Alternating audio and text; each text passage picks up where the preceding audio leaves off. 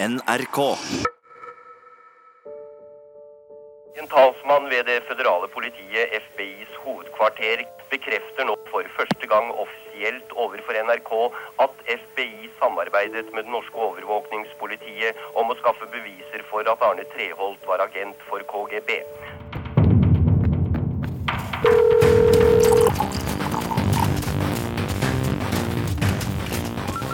Du hører på Spionen Treholt.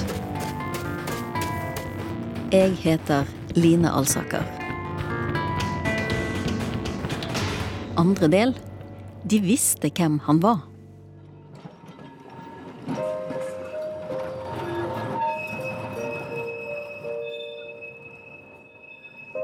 En eldre, slank dame med grått hår, håndveske og hatt sitter på trikken oppover mot Ekeberg i Oslo i januar 1977. Kvinnen har vært spion for KGB og Sovjet i over 25 år. Håndvesken hun har med seg, har et skjult rom i bunnen. Det rommet har hun brukt til å frakte graderte dokumenter fra Utenriksdepartementet som hun har gitt til KGB.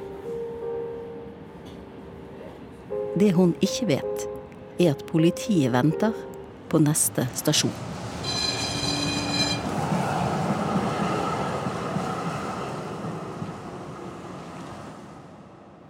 Ja, det er nok klart at den arresterte er fullmektig Gunvor Galtung Håvik, 64 år gammel, tilsett som kontordame i Handelspolitisk avdeling i Utenriksdepartementet.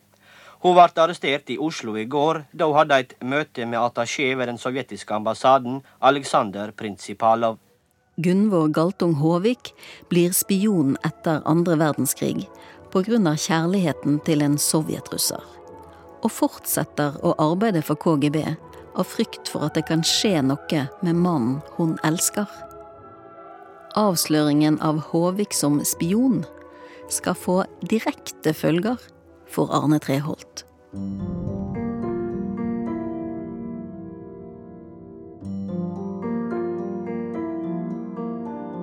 Men hvor kommer Arne Treholt fra? Han er ikke født inn i en privilegert omgangskrets. I sjølbiografien Gråsoner forteller Treholt om en oppvekst i enkle kår i Valdres på 40- og 50-tallet, med mor og far i en søskenflokk på fire. Faren er medlem av Arbeiderpartiet, og familien diskuterer ofte politikk rundt middagsbordet. Lille Arne har lett for å lære, og blir tidlig usedvanlig sportsinteressert. Arne kommanderer resten av familien til å være stille som mus, mens han sirlig noterer rundetider når det er skøyteløp på radioen. Egil Ulateig forteller om vennens enorme sjøldisiplin allerede fra tidlig alder. Arne var jo tidlig en ledertype. Han eh, etablerte jo idrettslag da han var seks år eh, gammel. De trente på den gamle Valdresbanen, så da løp de på perrongen, hadde trening på perrongen der.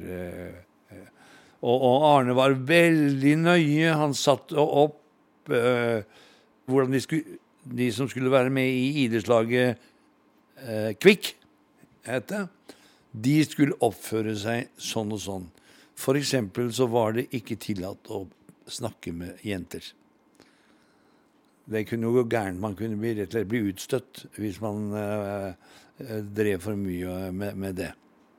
De mukka ikke når eh, Arne sa noe, så var det sånn det var. I mai 1955 er Arne Treholt tolv år gammel og drar fra Valdres til Oslo en god stund før sommerferien starter. Arne har mast og gnålt på foreldrene i månedsvis om å få reise hjemmefra for å ha sommerjobb. I Oslo skal han være bud på Freia sjokoladefabrikk. Melk Og sjokolade. Freias tre melkesjokolader. Om natten sover Arne aleine på hybel på Strømmen. På Freia kommer den lave alderen i konflikt med loven om barnearbeid, og den daglige arbeidstiden blir derfor kuttet fra åtte til fire timer. Men Arne Treholt føler seg ikke som noe barn, og tar på seg enda en jobb. Før og etter arbeidet på Freia er han avisbud for Aftenposten. Arne setter stadig nye rekorder når han løper i trappene og konkurrerer mot seg sjøl. Hver morgen står Arne Treholt på Sagdalen stasjon mellom Lillestrøm og Strømmen og tar toget til Oslo. Han føler seg voksen og fri. Så da hybelvertinnen en kveld beklager seg over at han kommer altfor seint hjem, forteller tolv år gamle Arne hun at så lenge han betaler leie og holder orden på hybelen, så vil han ha privatlivet sitt i fred. Så kom da endelig 17. mai. Og det en slik 17. mai som vi Treholt fullfører gymnaset på Oslo katedralskole i 1961, mens han bor på hybel sammen med faren Torstein, som er stortingsrepresentant, og som seinere skal bli landbruksminister for Arbeiderpartiet. Arne gjør unna militærtjenesten og studerer statsvitenskap og sosialøkonomi ved Universitetet i Oslo. 1960-tallet er en urolig og utrolig tid i verden. Og Arne Treholt har gjennom kontakter fått jobb som journalist i Arbeiderbladet i Oslo. Samtidig som han er aktiv i den norske Hellas-komiteen. militærstyrke i Hellas. Lederne for hæren tok over all makt. i løpet av- Militære styrker fra Sovjetunionen og fire andre land i Warszawapakta gikk sent i går kveld inn i Tsjekkoslovakia. Ståle Hansen, min kollega her i NRK, og en av de i Norge som har best oversikt over Treholt-saken, han har tatt meg med til Grågåsveien på Bøler, som Arne Treholt flyttet til på slutten av 1960-tallet. En kveld rundt 1970 følger overvåkingspolitiet etter en KGB-bil, og finner ut at den parkerer i området der vi kjører nå. Det var første gangen at Treholt havna i registeret til overvåkingspolitiet. Og det var, det var noe som senere skulle komme opp igjen de gangene Treholt trengte å bli sikkerhetsklarert. Så, så, um, så fant vi ut at han da hadde pleid omgang med, som det het, eh, KGB-folk fra den sovjetiske ambassaden allerede så tidlig som, som rundt 1970. Da. Eh, så her en eller annen plass så parkerte KGB en Jeg tror det var en Volvo Amazon. Eh, uten å vite da at overvåkingspolitiet fulgte etter dem. Hva antok de at denne russeren skulle da? På den tiden der så var det veldig mange ungdomspolitikere, spesielt fra, fra AUF, men også fra Unge Venstre bl.a., som, som hadde møter med eh, representanter fra den sovjetiske ambassaden. Og det var noe som irriterte overvåkingspolitiet. Jeg tror de mente at disse ungdommene var, var eh, naive og trodde liksom at de kunne få noe ut av å snakke med KGB-folk. Eh, Så Treholt var bare én av veldig mange som hadde omgang med, med, med KGB-folk på den tida. Mange andre senere kjente Arbeiderpartipolitikere som hadde det samme. KGB kaller denne kontakten for kultivering.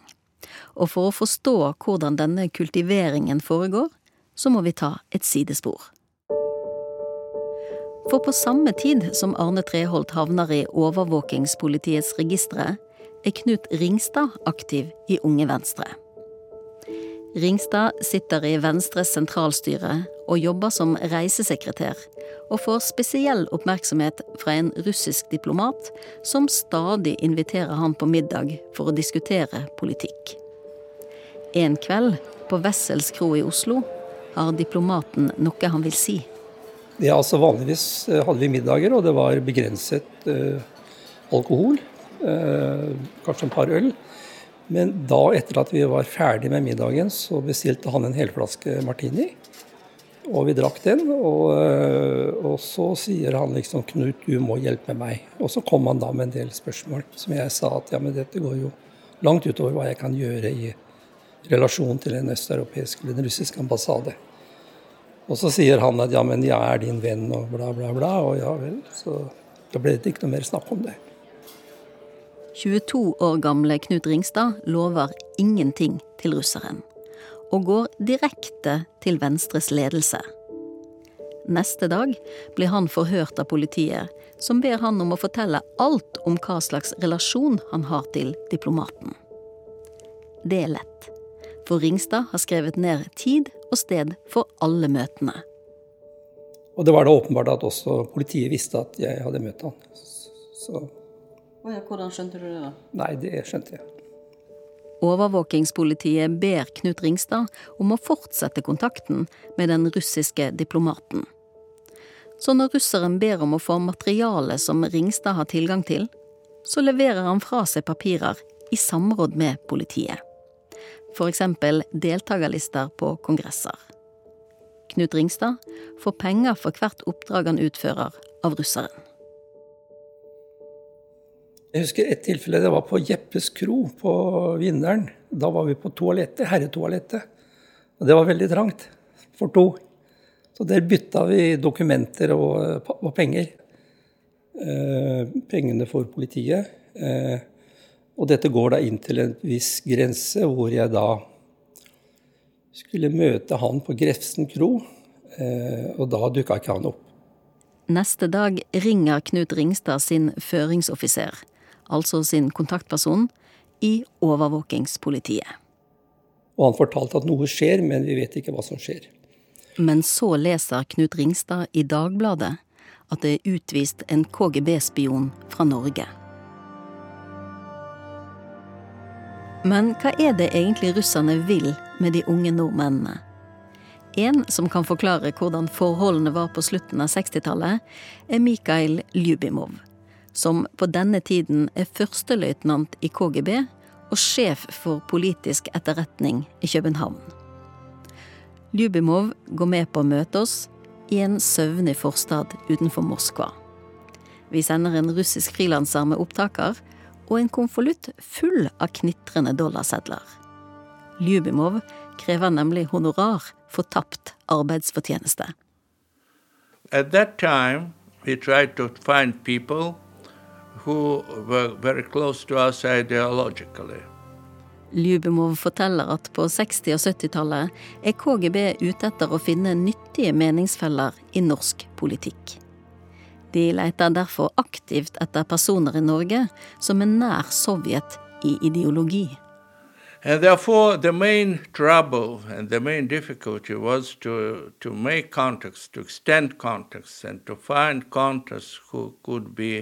used. And it is a, a very difficult job because actually not very, not a lot of people want to be agents, by the way, and uh, it's an exception. Therefore, seeking the agents, seeking seeking the people who could be recruited, this was uh, the main point. So we tried to find the people who were uh, would would show their material interest.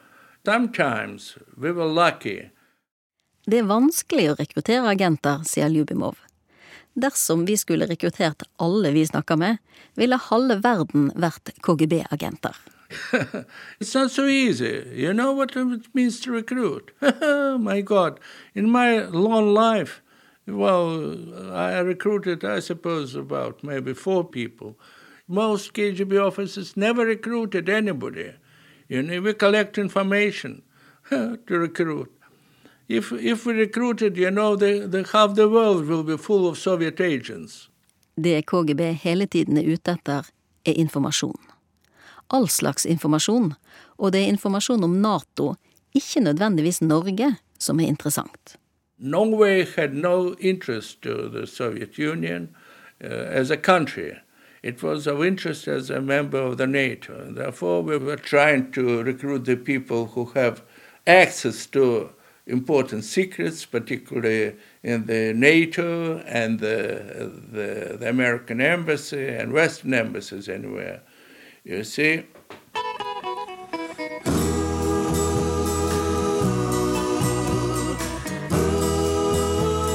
Året er 1967.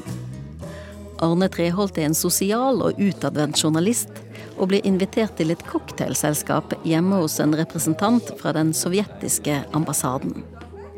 Der blir han oppsøkt av KGB-offiseren Beljajev, som tilsynelatende er en vanlig diplomat ved ambassaden. Beljajev er ivrig, men klønete når han snakker med Treholt. Men de holder kontakten i flere år. I et av opptakene fra rettssaken i 1985 forteller Arne Treholt om en pinlig episode da han plutselig får Beljajev uanmeldt på døren. Beljajev er blitt så begeistret for en bok om den greske motstandsbevegelsen at han vil at Treholt skal hjelpe han med å få spredt ordet. Hvor da Beljajev spurte meg om jeg kunne tenke meg å kjøpe en bestemt bok som da var blitt utgitt på høsten i 1970, eh, som da het, eh, så vidt jeg husker, 'Juntaen ut av Hellas'. Og eh, han viste meg da en liste på jeg tror det var en 40-50 navn jeg, som sto på denne listen. Og han ville gjerne at jeg skulle kjøpe da denne boken til disse personene. Jeg fant den eh, episoden brysom. Og eh, før jeg i grunnen da eh, hadde fått eh, sanset meg noe skikkelig der, så eh, hadde han forsvunnet ut av døren, og han hadde etterlatt da en eh, liste med disse navnene, og det lå en konvolutt med 1000 kroner igjen. Så vidt jeg erindrer, så gikk jeg og kjøpte disse bøkene. Arne Treholt er inne på tanken om å melde fra til politiet. Det gjør han ikke. I retten sier han at det er pga. opplevelser han og flere andre på den politiske venstresiden har hatt med politiet tidligere. Vi følte kanskje, eh, med rette eller urette, hva vet jeg, at eh, vi eh, gjennom vårt politiske engasjement var i overvåkningspolitiets søkelys og ble registrert. Bokelskeren Beljajev spiller òg en annen rolle i historien om Arne Treholt. Det er nemlig Beljajev som sommeren 1971 introduserer Treholt for Gnadi Titov. KGB-sjefen med den kraftige brilleinnfatningen som spaserer på gaten med Treholt på overvåkingspolitiets bilder tatt i Wien bildene som seinere skal havne på alle landets avisforsider i 1984. Men hvem er egentlig Titov? Kommentator Harald Stanghelle. Ja, Gennadij Titov var såkalt KGB-residens i eh, Oslo. Det betyr leier av eh, KGB i eh, Norge. Eh, samtidig så blir han framstilt som en veldig spennende person, en eh, som det gikk an å snakke med. En som både politikere og journalister hadde glede av å snakke med, fordi at han var ikke så lukka, han var ikke så firkanta. Han var rett og slett en spennende person. Treholt og Titov fortsetter å møte hverandre på ulike kafeer og restauranter.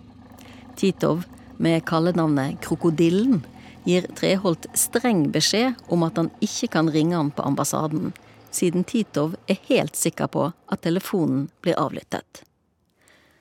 Så hva er det med Titov som gjør at Treholt fortsetter å møte han, sjøl om han kanskje bør ane uråd? Et mulig svar er dette, som aktor under rettssaken mot Treholt, Lasse Kvikstad, leser fra Treholts første politiforklaring. Treholt har forklart til politiet at han i perioden 1974-1978 flere ganger var i Moskva i forbindelse med havrettsforhandlinger med Sovjetunionen. Under en slik reise, trolig i siste halvår 1975, hadde han, sier Treholt, enkelte medlemmer av delegasjonen en lystig aften i Moskva. Treholt har forklart at han ved denne anledning ble med hjem til en privat leilighet, hvor det utviklet seg til noe av en orgie. Skal ha vært flere kvinner til stede. Noen tid senere har tiltalte forklart. Så ble Treholt utnevnt til statssekretær i, utenriks, i Havrettsministeriet. Og da hadde han en middag med Titov. Og ved denne anledning, sier tiltalte, så skal Titov ha fremlagt bilder fra denne i anførselstegn festen i Moskva. Om historien om den såkalte orgien er sann, er min Treholt-ekspert Ståle Hansen usikker på. I dag så, så sier han at det var noe han um, fant på i den situasjonen. Uh, og det, hva som er riktig, det er det jo bare Treholt selv som vet, antageligvis. Er det noen som har, har noen sett orgiebildene noensinne, eller er det Nei, hvis de eksisterer, det vet vi jo ikke, men hvis de eksisterer, så er det jo bare KGB og og Treholt selv som har uh, hatt mulighet til å se de.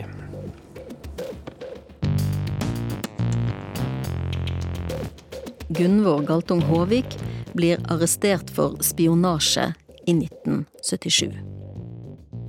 Samme år kommer det et tips fra en russisk dobbeltagent som forteller at det fins en annen KGB-kilde i Utenriksdepartementet. Men det eneste han vet om denne, er at han har vært journalist tidligere. Navnet er ukjent. Så overvåkingspolitiet undersøkte da hvor mange av de som jobbet i UD som hadde en fortid som journalist, eh, og fant ut at det var en eh, jeg tror det var en seks-syv stykker. Det er sånn de opererte i overvåkingspolitiet, var at de, de, brukte minst mulig ekte navn på folk. De ga de et dekknavn, kodenavn, som de kunne bruke. Dekknavnene er rumba, samba, masurka, tango, vals og foxtrot. Og foxtrot det var, det var kodenavnet på Arne Treholt. Men fordi de fikk disse kodenavnene, så de, gikk de bare under betegnelsen danserne internt i, i uh, overvåkingspolitiet. Foxtrot basic. Slow. Slow. Quick, quick. KGB-sjef Gennadij Titov forlater Norge i all stillhet i februar 1977. Måneden etter at Gunvor Galtung Håvik blir arrestert. Hun forteller i avhør at Titov har vært hennes kontaktperson og føringsoffiser i 1971 og 72. Titov og flere andre sovjetrussiske diplomater blir erklært uønsket i Norge etter spionavsløringen. Håvik blir tiltalt for landsforræderi og spionasje, men blir funnet død i fengselscellen tidlig på høsten i 1977. Dødsårsaken skal være hjertesvikt. Dermed blir det ingen rettssak. Men politiet fortsetter å overvåke de seks-sju såkalte danserne. Treholt, med kodenavn Foxtrot, er en av de politiet følger ekstra godt med på. Men de finner ingen bevis for at Treholt holder på med spionasje. En av grunnene kan være at vanlig prosedyre for KGB etter at en agent blir avslørt, er å legge virksomheten på is.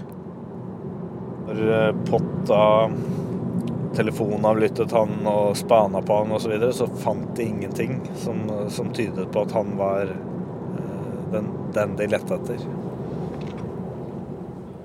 Mye tyder på at Treholt ikke blir kontaktet av KGB de to neste årene, etter avsløringen av Håvik.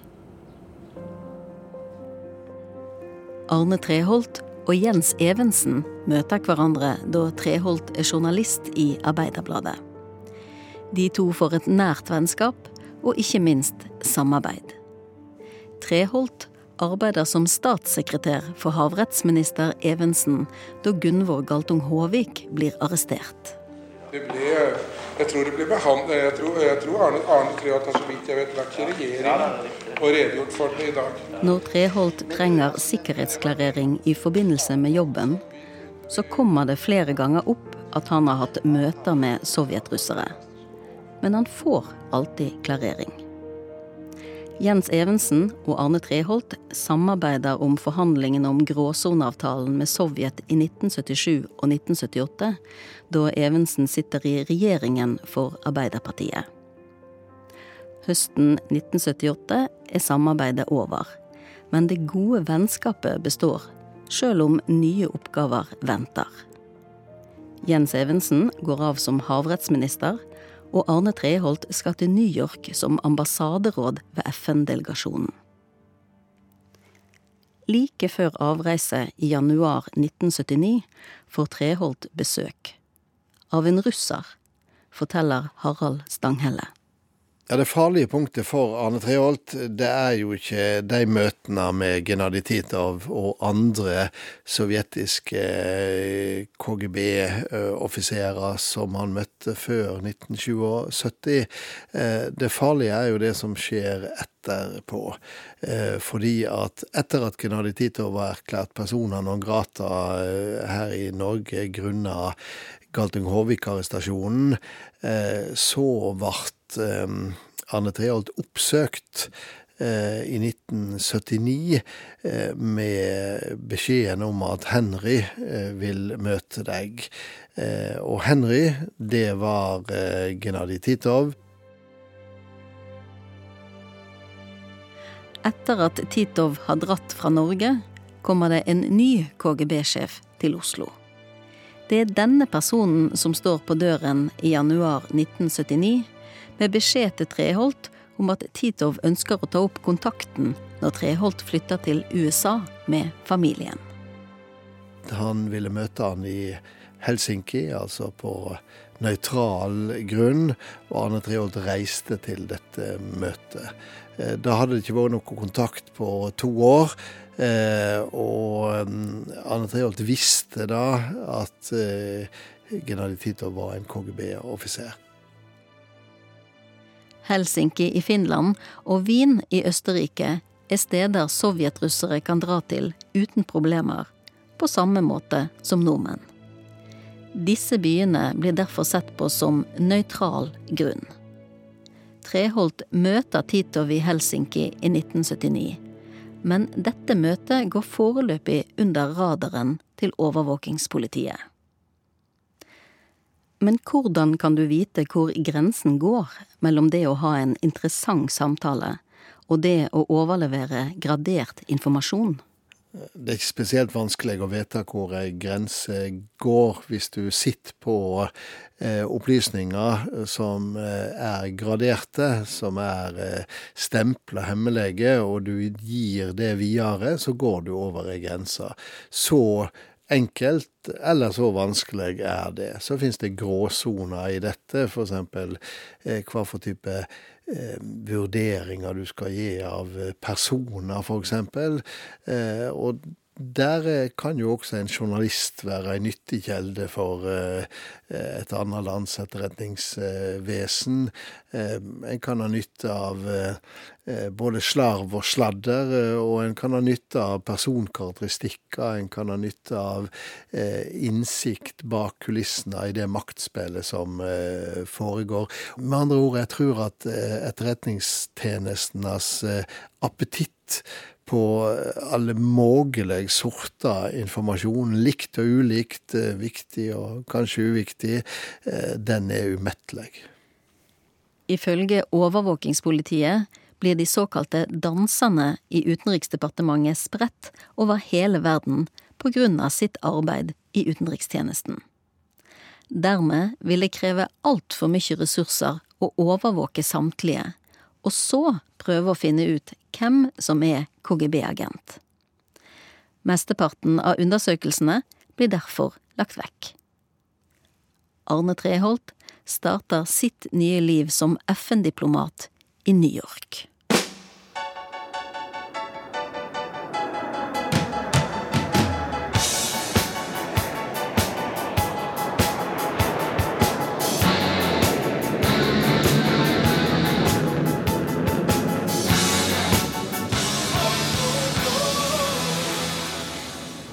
Familien på tre, Arne, konen Kari og sønnen, bor på Manhattan.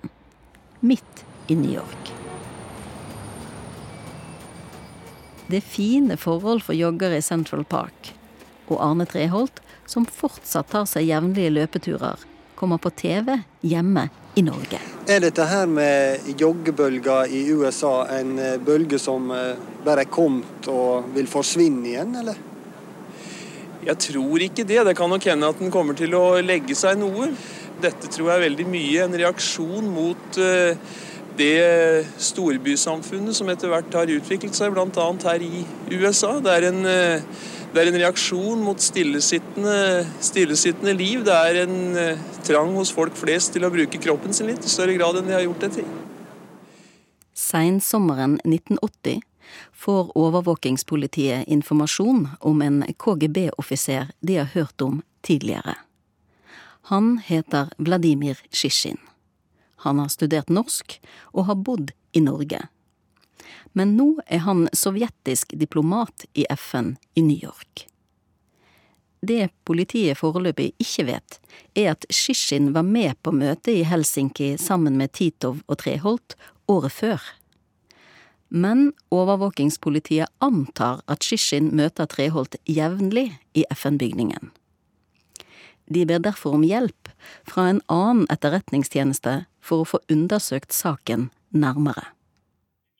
my title was Special Agent in Charge of the Foreign Counterintelligence Dash Soviet Division, Division 3 of four divisions in New York. Dette er Jean Gray, pensjonert spesialagent i FBI i New York.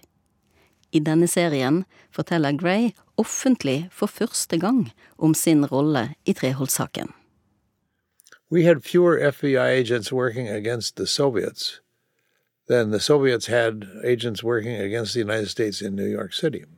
Ved starten av 1980-tallet har Sovjet så mange agenter i New York at FBI er oppriktig bekymret.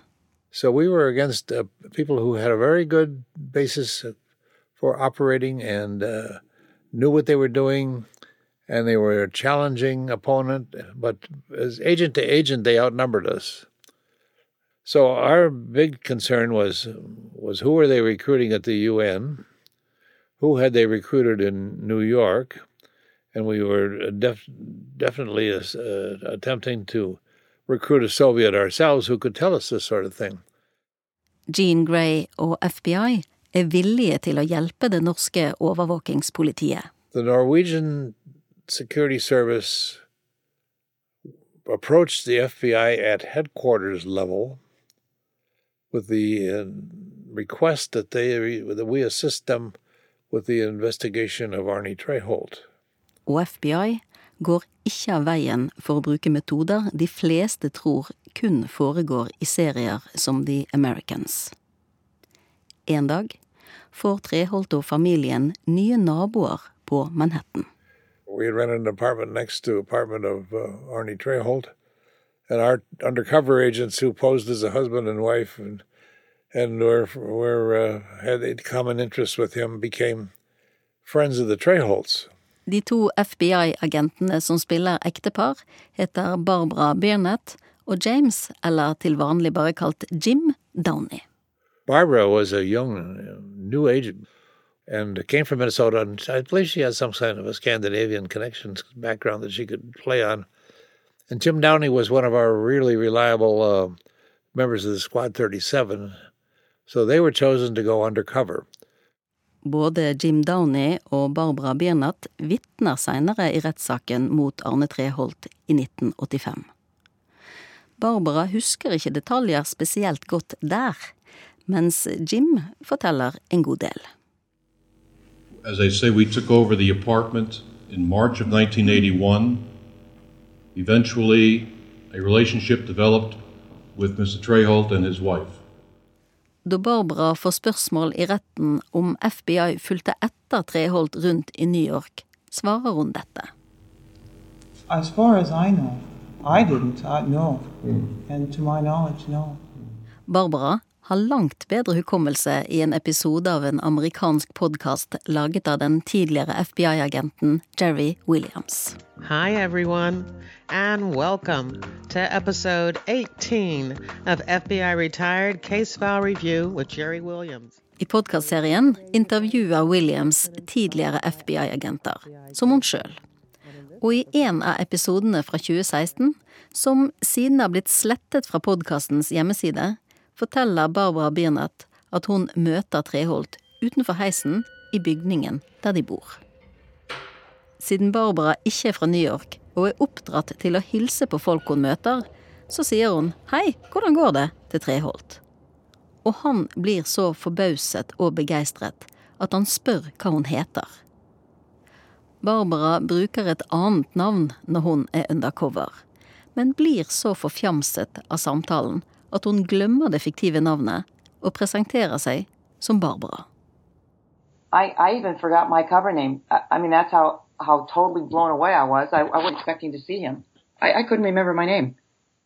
FBI-agentene Jim og Barbara har som oppgave å komme så nær Arne Treholt og konen Kari det er mulig å komme. En stund seinere skjer det derfor noe uventet og gledelig for FBI. And there's a knock at my door, and it's the spy. and he wants to introduce me to his wife. Da Treholt banker på for å presentere konen Kari for Barbara, så forstår FBI-agentene at oppdraget går enda bedre enn de kunne håpe på. FBI-sjef Jean Grey får full rapport om alle Treholts bevegelser. Ikke bare gjennom Jim og Barbara, men òg av alt overvåkingsutstyret FBI har montert i Treholts leilighet. Well, the uh, apartment occupied by uh, Treholt was uh, technically ours. Sound and light and fury. So we knew pretty much everything that was going on in the Treholt apartment. Arne og Kari er mye sammen med Jim og Barbara, og stoler på. Det forteller FBI-agent Jim Downey under rettssaken i 1985. As the relationship developed, we became good friends. And at that time, uh, he, I believe, sometime in the summer of 1981, uh, came back to Norway on holiday, as I recall. Da Arne og Kari skal hjem til Norge på ferie en måneds tid, leverer de nøklene til leiligheten til de gode naboene, sånn at de kan vanne blomster mens de er vekke. Leaving.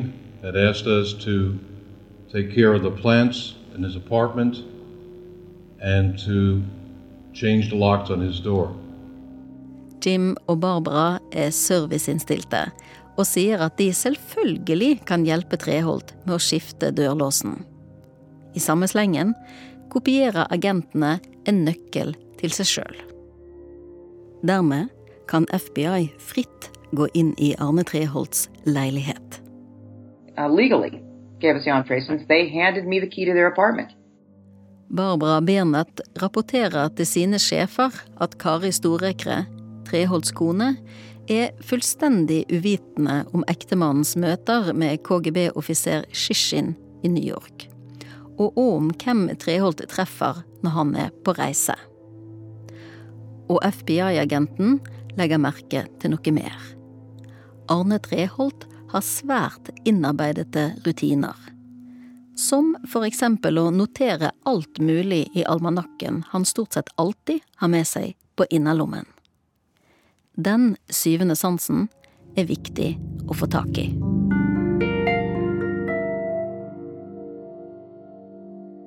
He had a calendar in his jacket, lapel jacket. He'd pull that out and put something on it all the time, constantly. I august 1982 er FBI flere ganger inne i Treholts leilighet. Der tar de bilder av dokumenter de finner. Arne Treholt er på vei tilbake til New York fra Norge, mens Kari og sønnen er igjen i Oslo. And certain items in the apartment, which were put on a report, which was his running logs and small notebooks, were found and they were photographed on August 11th, 1982. To dager etter går FBI igjen inn i naboleiligheten, mens Treholt er ute og jogger. On August 13th of 1982, in the early morning hours, Special Agent Biernat and I went back into the apartment while Mr. Treholt was out jogging in the area of the apartment. FBI-agentene tar bilder av dokumenter og notater som Treholt har tatt med seg til New York fra Oslo. The items were photographed and replaced back into the apartment, and the apartment locked again before Mr. Treholt returned from jogging within about one hour's time. Dagen etter er de tilbake enda en gang, og nå har de et klart mål da de låser seg inn i naboleiligheten. The last entry was made again for the sole purpose of photographing the diary, his personal diary, date calendar book, and that was photographed on the 14th.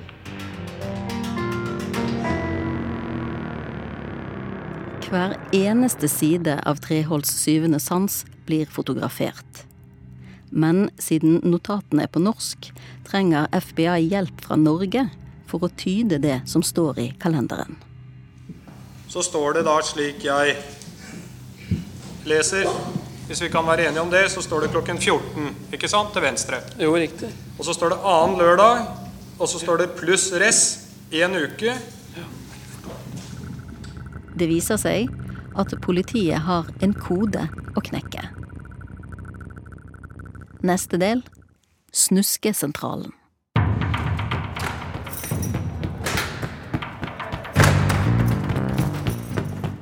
Du har hørt andre del av seks i serien Spion Treholt. Serien er laget av meg, Line Alsaker, med hjelp av Nick Best, Ståle Hansen og Kjetil Saugestad. Lyddesigner var Kjetil Hansen. Og musikken til serien er laget av Sosius Music. Takk til NRKs researchsenter ved Sissel Holsæter.